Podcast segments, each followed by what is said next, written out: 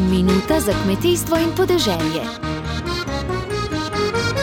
Časovne prepovedi gnojenja, ki so jih dolžni upoštevati vsi kmetje v Sloveniji, so opredeljene v uredbi o varstvu voda pred onesnaževanjem z nitrati iz kmetijskih virov.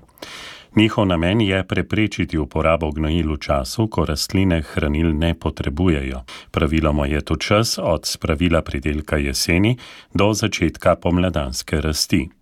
Z upoštevanjem časovnih prepovedi zmanjšujemo verjetnost izpiranja hranil v površinske in podzemne vode, pravijo na Ministrstvu za kmetijstvo, gozdarstvo in prehrano.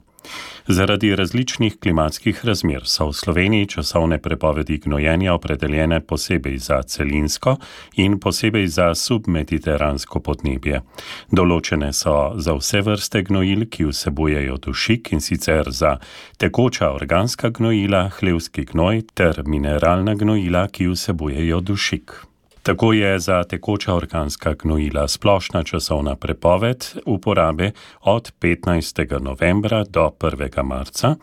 Izjema je priprava zemljišč za setev jarih žit, trav in travnoteteljnih mešanic ter dognojevanje ozimin. V tem primeru lahko tekoča organska gnojila uporabljamo že od 15. februarja naprej.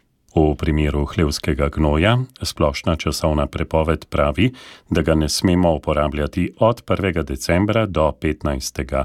februarja, v zaščitenih prostorih, torej rastlinjakih, pa velja, da za uporabo hlevskega gnoja ni prepovedi.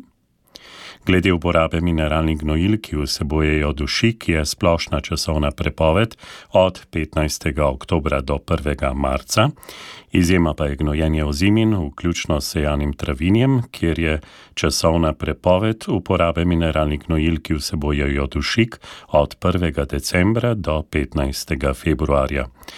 Naj dodam še to, da mineralna gnojila, ki vsebojejo dušik, lahko v zaščitenih prostorih uporabljamo brez prepovedi celo leto. Podrobnejši opis časovnih prepovedi gnojenja najdete na naši spletni strani radio.ognisce.js.